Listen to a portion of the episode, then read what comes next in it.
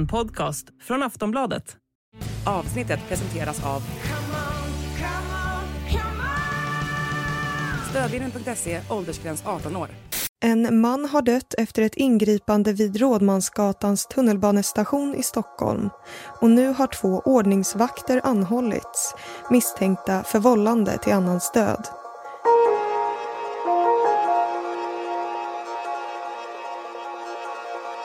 När ordningsvakterna ingrep i tunnelbanan hamnade allt på en mobilfilm som sen skulle bli ett viktigt bevis. En av vakterna brottade ner en 47-årig man och höll ett hårt grepp om hans hals i över en minut. Vaktens kollega satt samtidigt på mannens rygg och tryckte ner honom mot betonggolvet. När de fick på honom handbojorna bakom hans rygg låg mannen livlös och vaknade aldrig mer. Det här är Juha och ordningsvakterna. Ett avsnitt av podden Aftonbladet Krim. Jag heter Anders Johansson.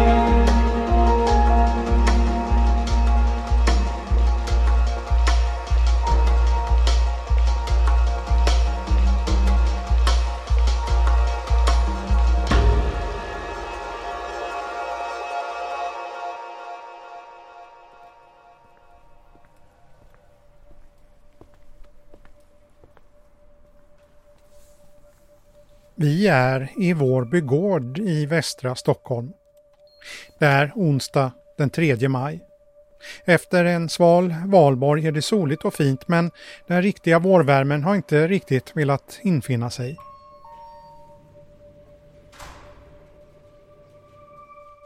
Vi är här för att träffa en person som gått igenom svåra prövningar och som ser flera framför sig. Hejsan, det är jag som är Anders. Jo, jo, jo jag förstår det. Ja, Ja, hej. hej. Vad fint det var här. Personen som vi träffar heter Kaja Hynninen och är 74 år. Vi har haft lite kontakt på sms tidigare men nu träffas vi för första gången. Vi sätter oss vid köksbordet. Kaja ställer fram en vattenkaraff och glas. Sen börjar hon berätta om sin son Juha. Han föddes eh, 75 och eh, han var 47 år gammal. Han var en vanlig kille, tycker jag i alla fall. Inte så som, som han har blivit beskriven så att uh, han var någon bugilist eller något sånt. Absolut inte. Eh, Han jobbade 22 år på Tele2 och och han var teamledare, han var ingen, ingenjör, eller hur, hur säger man det?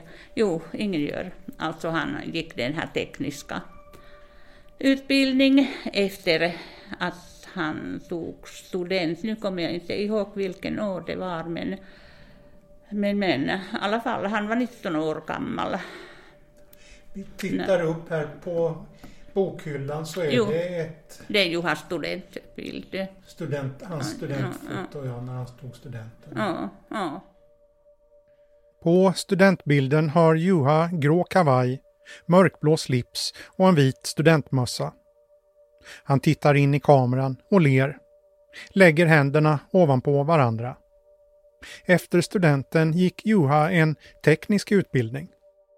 Och sen när han blev färdig med, med utbildning, han började på Ericsson först och, jobbade där ett år och sen han började på Tele2 och sedan dess han har varit där. Mm. Och ja, det gick bra, han var jätteomtyckt på arbetskamraterna och även alla kompisar som han hade. Han hade ganska mycket kompisar. Även att han var äh, gift. Han gifte sig 2010 men äh, äktenskapet tog slut. Var det nu 2020? Jo, så var det. Mm. Ganska vanligt nu för tiden. det, det är inte så ovanligt. Kaja berättar tydligt och engagerat. Vattenkaraffen och glasen hon satt fram på bordet glömmer vi bort. De står orörda. Hon beskriver relationen med sin son Juha som nära. Vi hade jättebra relation och, och han besökte jätteofta hemma hos mig. Så att vi, vi hade inte några komplikationer om man säger så. När eh, träffades ni eller pratades ni vid sista gången? Det var den dagen när han gick till konsert, Kungsträdgården. Alltså det var lördag. Lördag den 30 juli. Sista helgen på semestern för Juha. Han skulle på konsert i Kungsträdgården med en barndomskompis och dagen efter, på söndagen, skulle han gå på Gröna Lund med sin brorsdotter. Men först den här lördagen hade Juha varit och köpt en ny bil. Senare på dagen åkte han hem till sin mamma. Just den här lördagen hade Kaja lagat en favoriträtt. Sommarsoppa med säsongens grönsaker som de åt tillsammans. Sen satt vi här eh, en stund och käkade tillsammans och, och, och jag sa att ta lite grann, jag hade en sån där plastdunk mm, med locket. Jag sa att vill du ta med när du kommer från konsert under natten, då har du lite soppa och käka och värma upp mikro. Och, och, och han tog med sig den här soppan som han hade inte hunnit att äta. Mm, nej, nej. Så att äh, det gick som det gick. Det här var på lördag eftermiddag. Sen blev hon väckt tidigt på morgonen därpå. Ja, jo, det är nämligen söndag morgon. Och, och dörrklockan ringde. Klockan var halv sju. Jag var i sovrummet och sov, men jag vaknade just det. Och jag drog på mig morgonrock. och jag tänkte att uh, kanske det är Juha, att han har tappat nycklar eller något sånt. Han visste att jag har ju extra nyckel här. Så att eh, så tänkte jag i alla fall. Och det var ju det var ju jätte, jätte överraskande att det var två poliser bakom dörren och de frågade om de skulle kunna komma in. Och, och jag fick chock. Jag ropade bara. Jag sa, det har hänt någonting med Johan.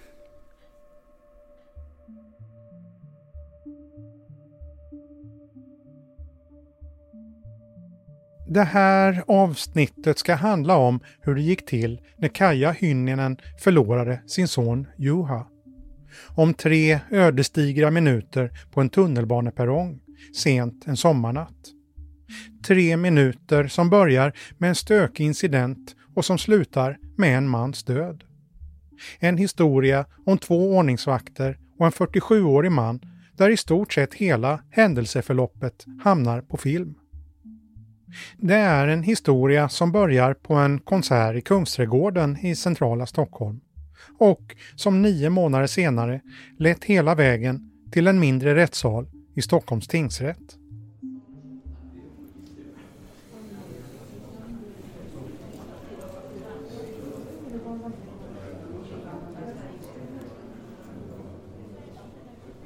Vi befinner oss utanför sal 26 i Stockholms tingsrätt.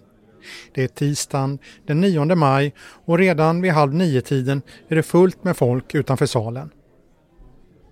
Anhöriga, journalister och några som tycks vara branschkollegor till de åtalade.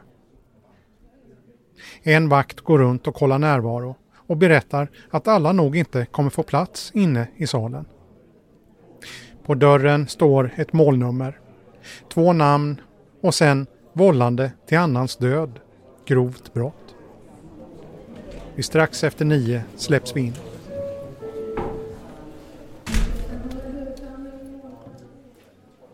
Det tar några minuter för alla att komma in i salen. Efter ett tag är alla platser tagna. Flera får vänta utanför. Strax efter nio tar ordföranden ordet. Då så ska vi börja förhandlingen. Som ni ser så är det stort intresse och eh, platserna i första hand då reserverade för press som har anmält... Under de första minuterna går ordföranden igenom salens ordningsregler. Alla andra lyssnar. Mamma Kaja sitter på ena sidan salen. Hon har svart tröja, vitt hår uppsatt med en klämma. På andra sidan salen, mitt emot Kaja, sitter de två åtalade.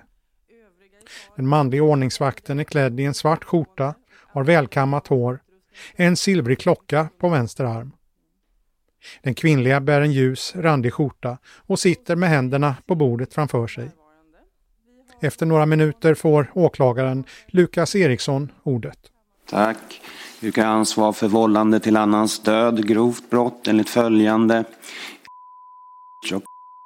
har tillsammans och i samförstånd av oaktsamhet orsakat Juha Antore Hynnenens död genom att tillsammans och i samförstånd ta strypgrepp på Hynnenen, hålla kvar detta och samtidigt ligga snedstreck sitta på Hynnenens överkropp då han låg på mage. Vidare har man anslutning till detta inte haft tillräcklig kontroll på om Hynnenen kunde andas, var vid medvetande eller behövde livräddande åtgärder. Det hände den 31 juli 2022 på eh, Rådmansgatans tunnelbanestation i Stockholm. Brottet bör bedömas som grovt eftersom gärningen varit grov oaktsam och innefattat ett medvetet risktagande. Tack.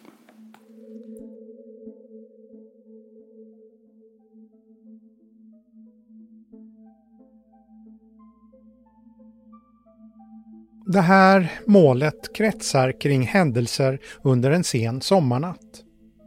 Allt börjar i Kungsträdgården i Stockholm. Det är rockfestival den här kvällen. Band som Danko Jones och Lillasyster spelar. Även finska bandet The Rasmus. En av besökarna är Juha Hynninen. Han går dit med sina vänner.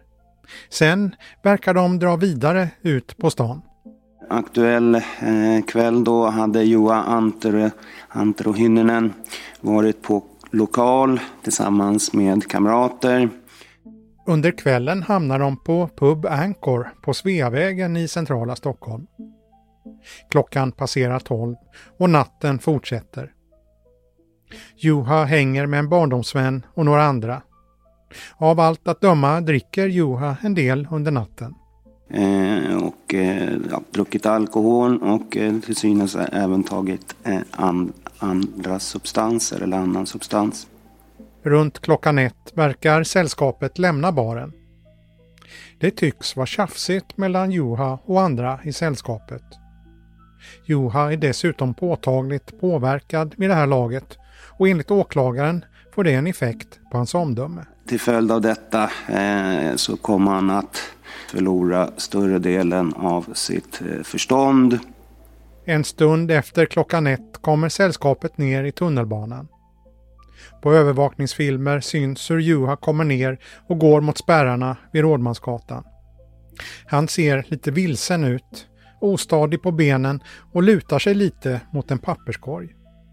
Han verkar också ha en diskussion med en bekant. När de kommer ner på perrongen eskalerar det snabbt. Och eh, han blev utåtagerande och våldsam mot sin omgivning. På övervakningsfilmer syns hur Juha går fram och tillbaka nere på perrongen. Plötsligt knuffar han omkull sin kompis flickvän. Någon minut senare slår han till en annan man. Allt fastnar på film.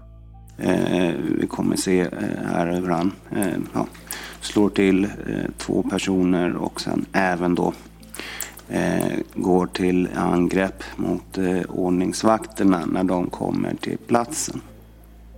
Klockan 01.38 ser man hur två ordningsvakter kommer springande längs med perrongen.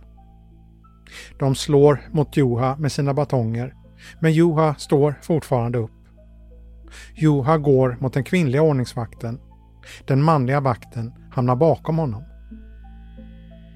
Det som händer sen är det som hela det här målet kretsar kring.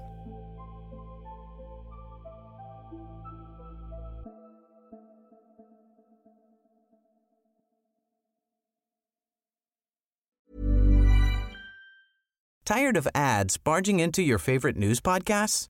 Good news. Ad-free listening is available on Amazon Music for all the music plus top podcasts included with your Prime membership. Stay up to date on everything newsworthy by downloading the Amazon Music app for free or go to amazon.com slash news ad free. That's amazon.com slash news ad free to catch up on the latest episodes without the ads.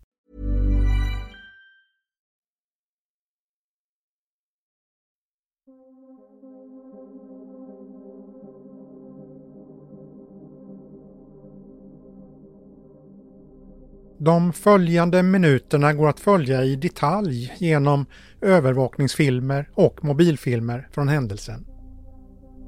Efter att Joa och hans vänner kommit ner på perrongen går det alltså att se hur han gör utfall mot två olika personer.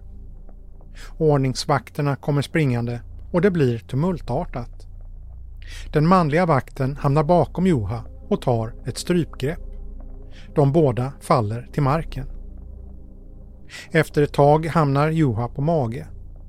Den manliga ordningsvakten håller kvar sitt grepp om hans hals medan den kvinnliga sätter sig på Johas rygg. Ett vittne filmar. This guy just fucking punched me. Yeah, yeah. No. I don't know him. He just fucking punched me.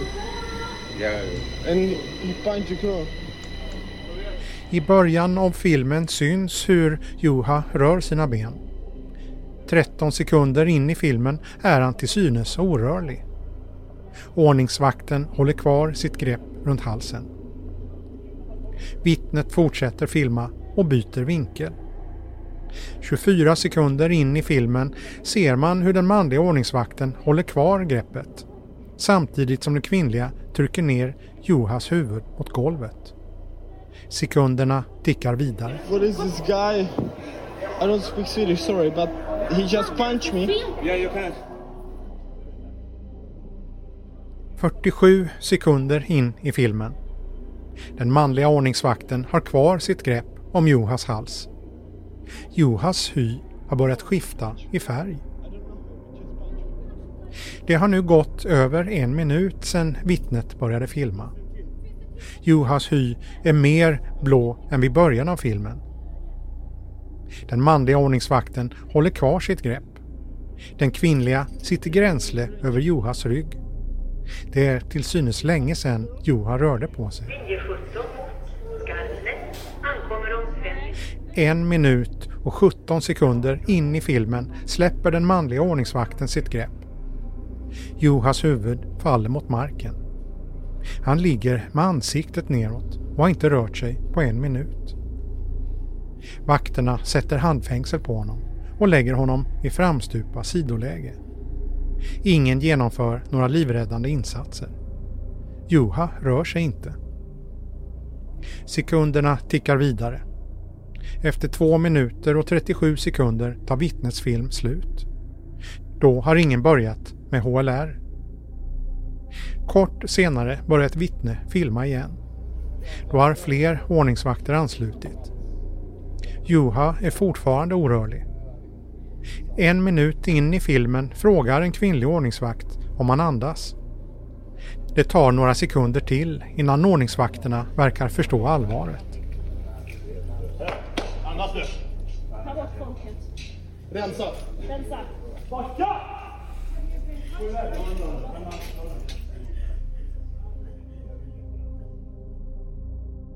Därefter påbörjas HLR. En halvtimme senare körs Juha i ambulans till Karolinska sjukhuset. Men det hjälper inte. Klockan 02.27 söndagen den 31 juli konstateras Juha Hynninen död. 47 år gammal.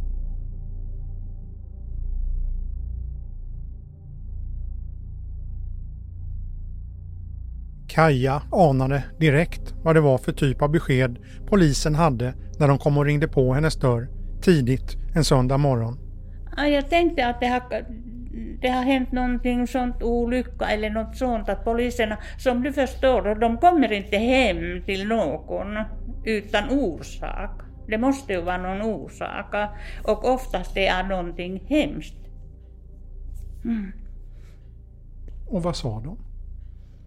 Ja, när vi kom, eh, vi satt här vid eh, köksbordet och de berättade ungefär så som, som det är. De visste ju inte jättemycket men, men ändå så pass mycket att det var Rådmansgatan och det har varit uh, mm, ingripande som ordningsvakterna gjorde och akta och övervåld och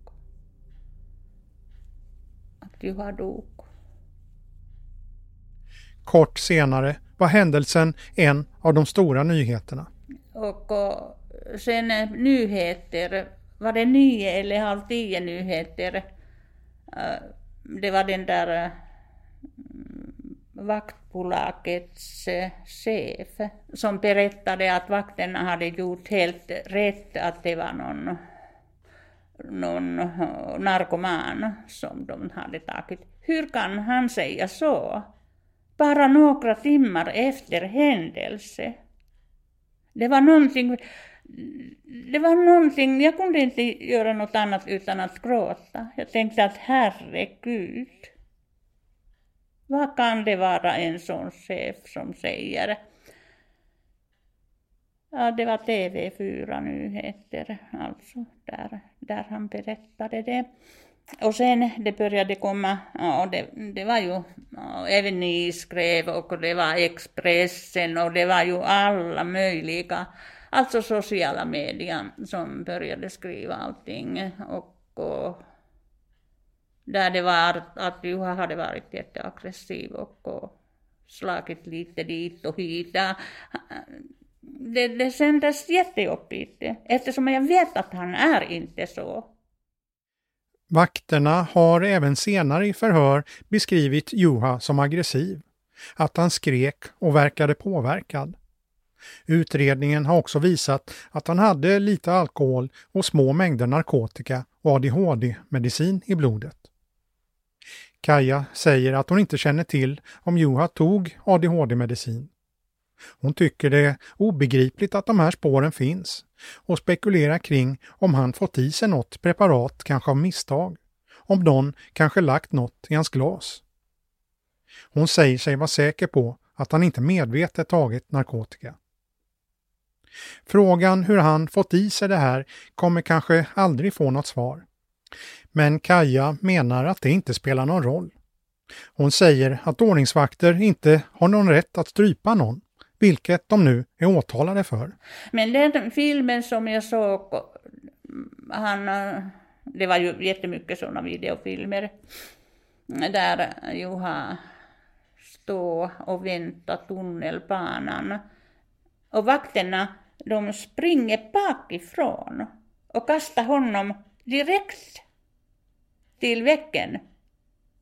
Det var någonting, jag förstår inte det, hur det gick tycker så. Alltså, jag tycker att man ska prata först med personerna och fråga och så. Men kanske de var, de, de var så unga, det var 30 år gammal den där killen och, och tjejen var, var det 24 eller något sånt. Och de har jättekort utbildning, 80 timmar, det är ingenting. Mm, och inte någon psykologisk eh, utbildning alls, tror jag. Eh, så att kanske de var rädda på något vis. Kanske de tänkte att eh, Juha har några vapen i fickan eller något. Men det hade han inte. Han brukade inte beväpna sig när han gick ut. Absolut inte.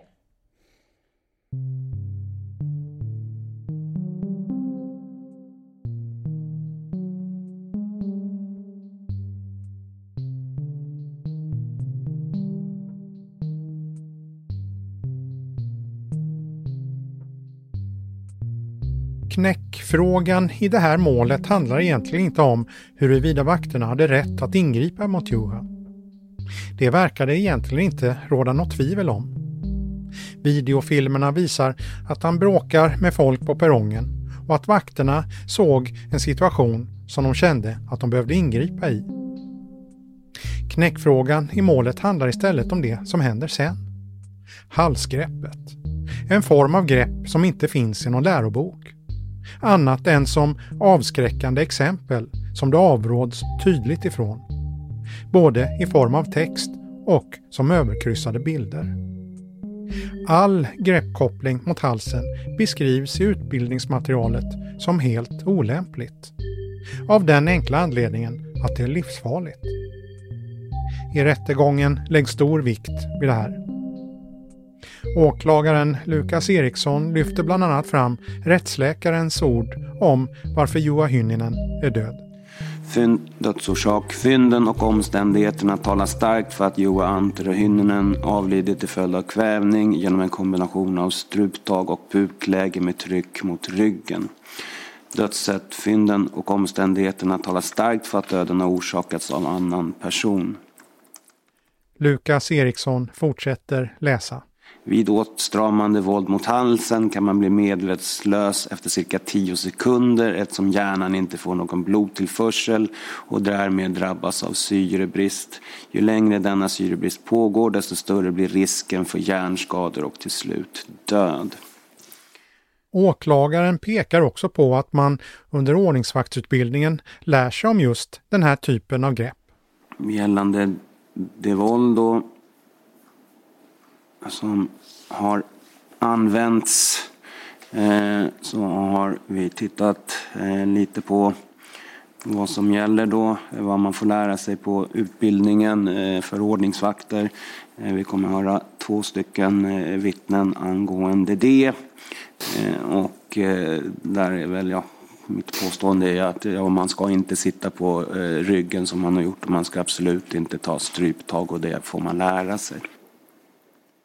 De båda ordningsvakterna nekar till de brott de anklagas för, även om de medger delar av händelseförloppet. Den kvinnliga ordningsvaktens försvarsadvokat Peter Nilsson menar bland annat att hans klient borde frias eftersom hon bara suttit på Juhas svank. Det agerandet har inte varit en bidragande orsak till Juhas död. Det saknas ett orsakssamband. Den kvinnliga ordningsvaktens försvarare framhåller framförallt den här linjen. Att hon och den andra vakten inte agerat i samförstånd och att hennes agerande inte varit bidragande till Johas död. Om rätten ändå skulle anse det, menar hennes försvarare, att hon agerat i nödvärn. Alltså att det varit en så hotfull och farlig situation att hon haft rätt att försvara sig. Den här linjen lyfter även den manliga ordningsvakten fram genom sin advokat Henrik Hoffman. Alltså att det varit en nödvärnssituation. Vakten pekar särskilt på hur rädd han varit och rädd för att Juha skulle angripa hans kvinnliga vaktkollega. Vi har fått tillåtelse att återge vaktens röst. Vi ska alltid börja med att prata med personen, men med han gick det inte att prata. Han skrek bara. Han gick mot Jag slår han med batong, men ingenting händer. Den, det är en ny skräck som startar då, när man känner att ja, till batongen inte funkar. Mm. Och han sitter och drar mig mot Och sen kände jag att det kändes som att han ville döda henne. Så jag, jag tog det greppet mm. och fällde ner honom. Sen... Det, det var blandade känslor där nere på marken. Han vill framförallt lyfta fram vilken skräck han kände. Han var läskig. På vilket sätt då var han läskig? Jag har sagt tidigare att, att han liknade Quasimodo och när han liknar jag, Quasimodo, du har ju berättat för mig, men du måste berätta för tingsrätten varför det är något speciellt för dig. För jag var rädd för honom när jag var liten. Du var rädd för Quasimodo när du var liten? Ja, jag tyckte han var obehaglig. Och då ser du Quasimodo på perrongen igen?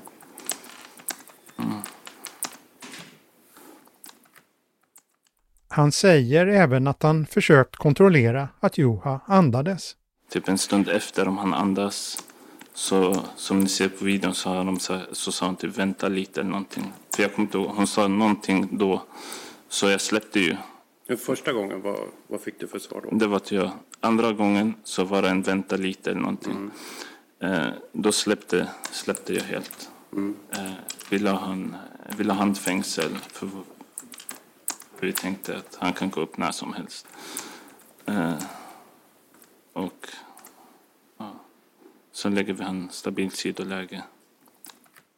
Men den här linjen köper inte åklagaren. Under slutpläderingen sammanfattar Lukas Eriksson vad utredningen visar enligt hans uppfattning. Han är överens med vakterna om att de befunnit sig i en nödvärnssituation till en början och har haft rätt att ingripa mot Juha. Men åtalet gäller det som händer sen. Eh, det felaktiga beteendet är att man eh, håller kvar eh, ett strypgrepp samtidigt ja, som man också då ligger, ena ligger över den andra sitter på ryggen. Lukas Eriksson fortsätter. Det för mig väldigt svårt att förstå varför man håller kvar det här stryptaget så lång tid som man gör eh, på en person som ligger helt stilla. Eh, det har kommit en invändning här om att man inte har agerat gemensamt i, och i samförstånd. Eh, väldigt svårt eh, att förstå riktigt hur man resonerar kring det. Eh, båda arbetar ju mot ett gemensamt mål, eh, att ta kontroll över Hynninen. Eh, de arbetar i varandras omedelbara närhet. Eh, den ena eh, har ett strypgrepp och den andra trycker ner huvudet eh, under det här strypgreppet. Att se det som att de inte gör det här gemensamt och i samförstånd det är för mig eh, obegripligt. Han avslutar med några ord om vad för straff han vill se. Det är möjligt om det inte når upp till grovt brott så är det i alla fall ett högt straffvärde. Eh, och eh, med det straffvärde som är för grovt brott eh, blir mitt yrkande då att, eh, att det ligger på miniminivå ett års fängelse. Så det blir mitt yrkande. Tack. Sen följer försvarets pläderingar. De yrkar på att deras klienter ska frikännas helt. Strax efter pläderingarna är rättegången över. Då är förhandlingen slut. Och tingsrätten kommer att meddela en dom i målet och det är 14 dagar från idag. Tack så mycket.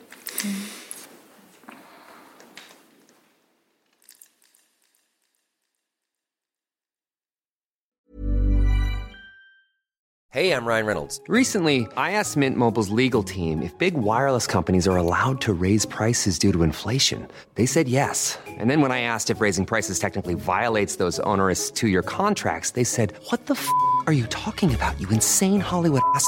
So to recap, we're cutting the price of Mint Unlimited from $30 a month to just $15 a month. Give it a try at mintmobile.com slash switch. $45 up front for three months plus taxes and fees. Promo for new customers for limited time. Unlimited more than 40 gigabytes per month. Slows. Full terms at mintmobile.com.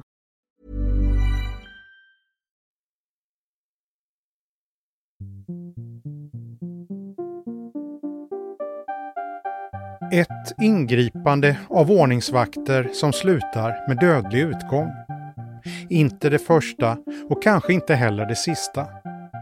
Det finns historiskt ett antal uppmärksammade fall som slutat på samma sätt. Gemensamt för de här fallen är att de brukar följas av en diskussion om ordningsvakters befogenheter och kritik mot att deras utbildning är för kort. I det här fallet med Juha hade den kvinnliga ordningsvakten knappt två år i yrket. Den manlige bara två och en halv månad. På senare år har flera debattörer även lyft det faktum att ordningsvakterna blir allt fler och tar över mer av polisens arbete. Vi ringde upp en person som granskat ordningsvakternas roll i samhället, bland annat genom att själv, undercover, genomgå vaktutbildning. Jag heter Carl-Björn Guvallius och jag är journalist och författare och har skrivit en bok som heter Ordningsvakter, nödlösningen som blev permanent, där jag granskar ordningsvaktsinstitutionen.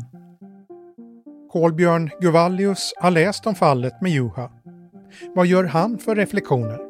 Alltså det är ju svårt att säga något om det enskilda fallet och det är det alltid, men eh, det man ser när det återkommande inträffar saker med ordningsvakter är ju att det finns tecken på att man inte är tillräckligt förberedd för den värld man kommer ut i. Och det, det är också något som flera sakkunniga som jag har pratat med vittnar om att uh, det är en kort utbildning och eh, man eh, hade behövt mer förberedelse.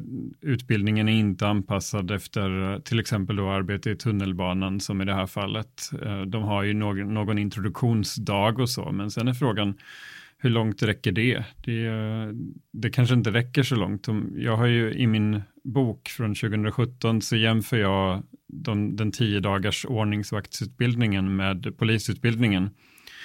Och eh, de har ju en helt annan förberedelse för ett mångfacetterat arbete, men eh, samtidigt så sker det ju misstag inom polisen också. Ordningsvakter har blivit en del av statens våldsmonopol med mycket stora befogenheter.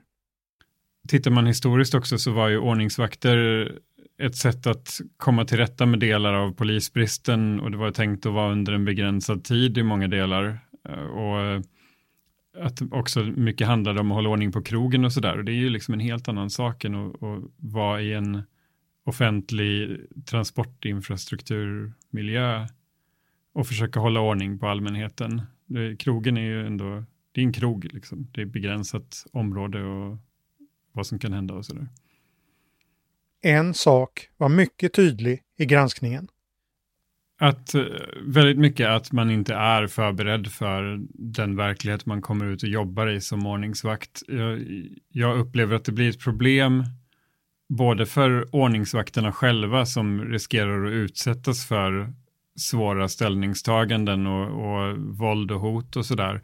Och för allmänheten som då i sin tur kanske ibland utsätts för ordningsvakter som inte riktigt vet vad de gör eller när de ska ingripa eller sådär, eller använder våld på ett annat sätt än, än vad som är rimligt i situationen.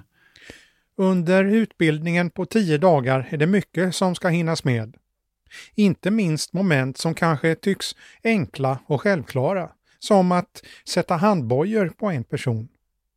Men det är inte så lätt och övas inte in tillräckligt.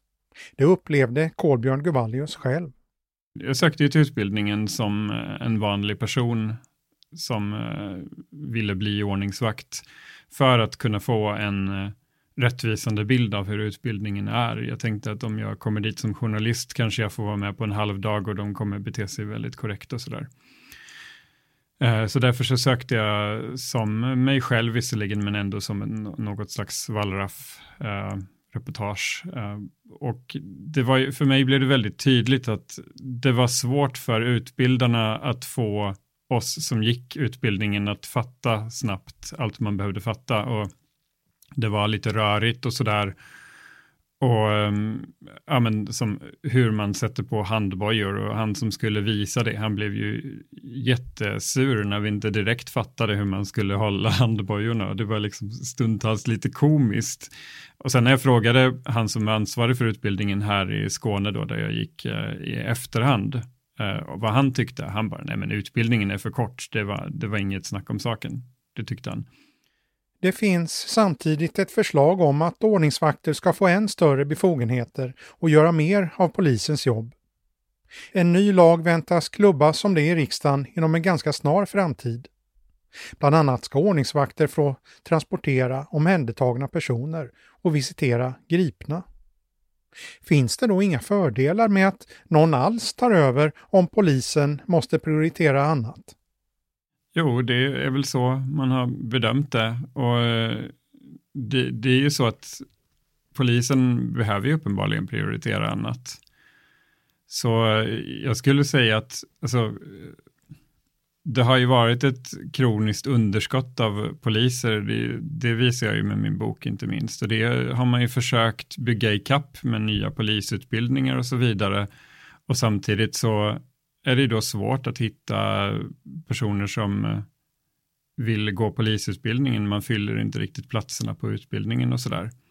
Men den situationen finns ju även med ordningsvaktsutbildningen. Det är inte så jättemånga som har historiskt i alla fall velat bli ordningsvakter, utan eh, det, det, är också en utbildning som det är svårt att rekrytera till och hitta rätt personer till och så vidare. Så det är inte säkert att det är en lösning på, på det problemet man ser, utan problemet kanske är större än så.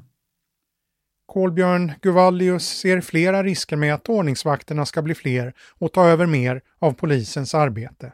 Jag tror att eh, den största utmaningen är att fler personer som har en kort utbildning blir en del av våldsmonopolet. Och eh, om man nu då överhuvudtaget hittar personer, det här är inte robotar som ska tillverkas, utan det är ju personer som ska bli intresserade av ett yrke som de ska vilja utbilda sig till.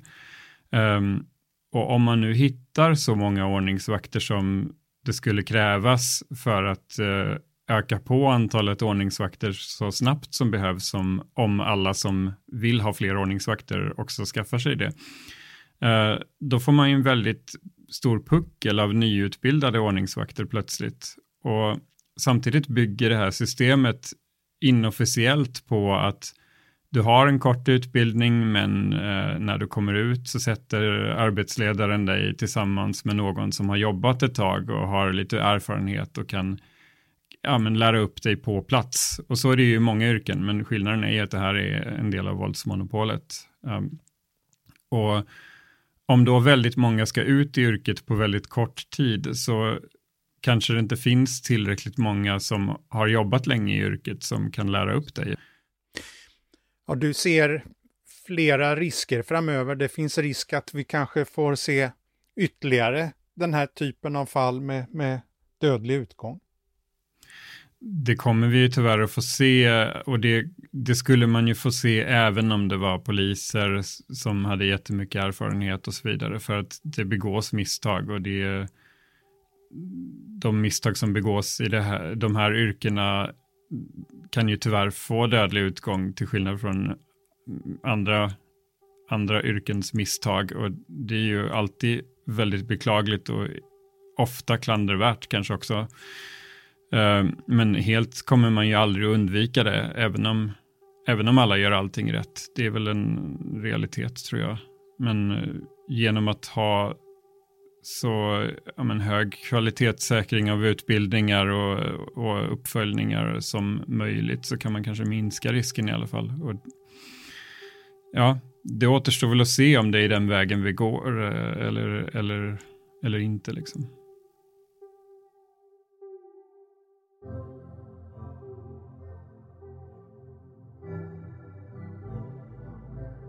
När vi spelar in det här avsnittet vet vi inte om någon kommer dömas efter ingripandet i tunnelbanan. Huvudförhandlingen i rätten är klar men det återstår fortfarande ett tag tills domen ska meddelas. De två misstänkta ska därmed betraktas som oskyldiga. De har båda fått sina ordningsvaktsförordnanden indragna och jobbar idag med annat. Kaja, Johas mamma som vi pratade med tidigare i avsnittet, hoppas på en fällande dom. Som en upprättelse för sin son. Det skulle betyda jättemycket. Eftersom jag tänker så här, ingen har rättighet att döda en människa. Ingen. Oavsett vad har hänt eller hur. Man ska inte döda en annan person. En friande dom skulle däremot kännas som ett dråpslag. Vad kan man göra? Nej. Då säger man bara att människans liv är inte något värde. Men oavsett hur det slutar juridiskt finns det flera saker som inte kommer att förändras. Kaja Hynninen kommer aldrig få tillbaka sin son. Hennes liv nu vill hon inte kalla liv. Jag är inte levande. De har inte dödat bara min son, utan att han, de har dödat mig också. Jag lever. Men jag är inte samma människa som jag var innan dess. Inte min familj heller. Vi alla lider. Juha hade tre bröder, två som bor i Finland, en som bor här. Men det är fruktansvärt för oss. Ingen människa borde gå igenom sånt här helvete som vi har fått gå igenom.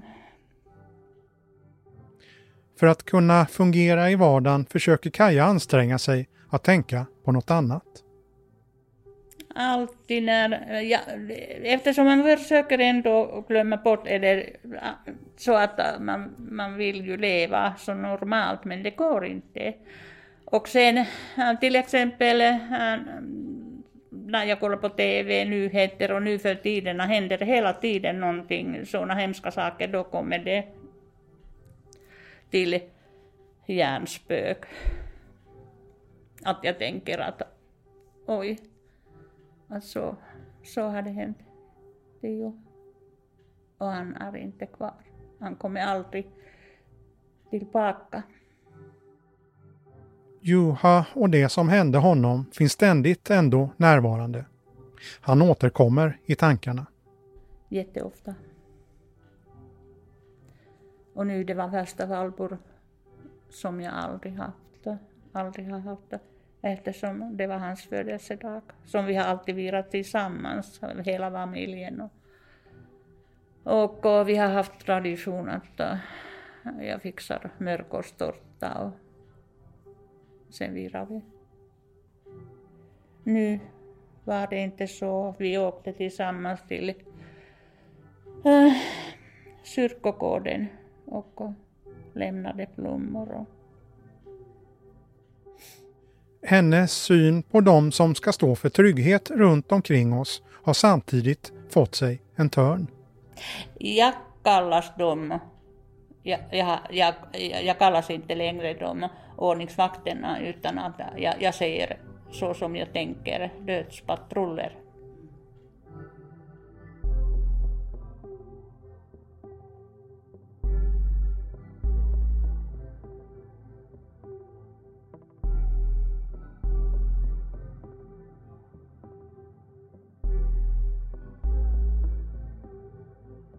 Du har lyssnat på ett avsnitt av podden Aftonbladet Krim.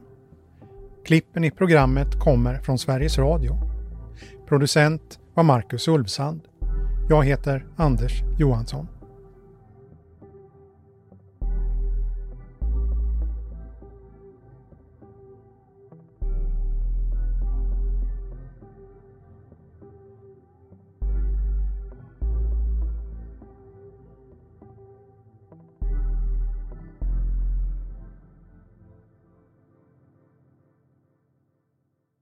Du har lyssnat på en podcast från Aftonbladet. Ansvarig utgivare är Lena K Samuelsson.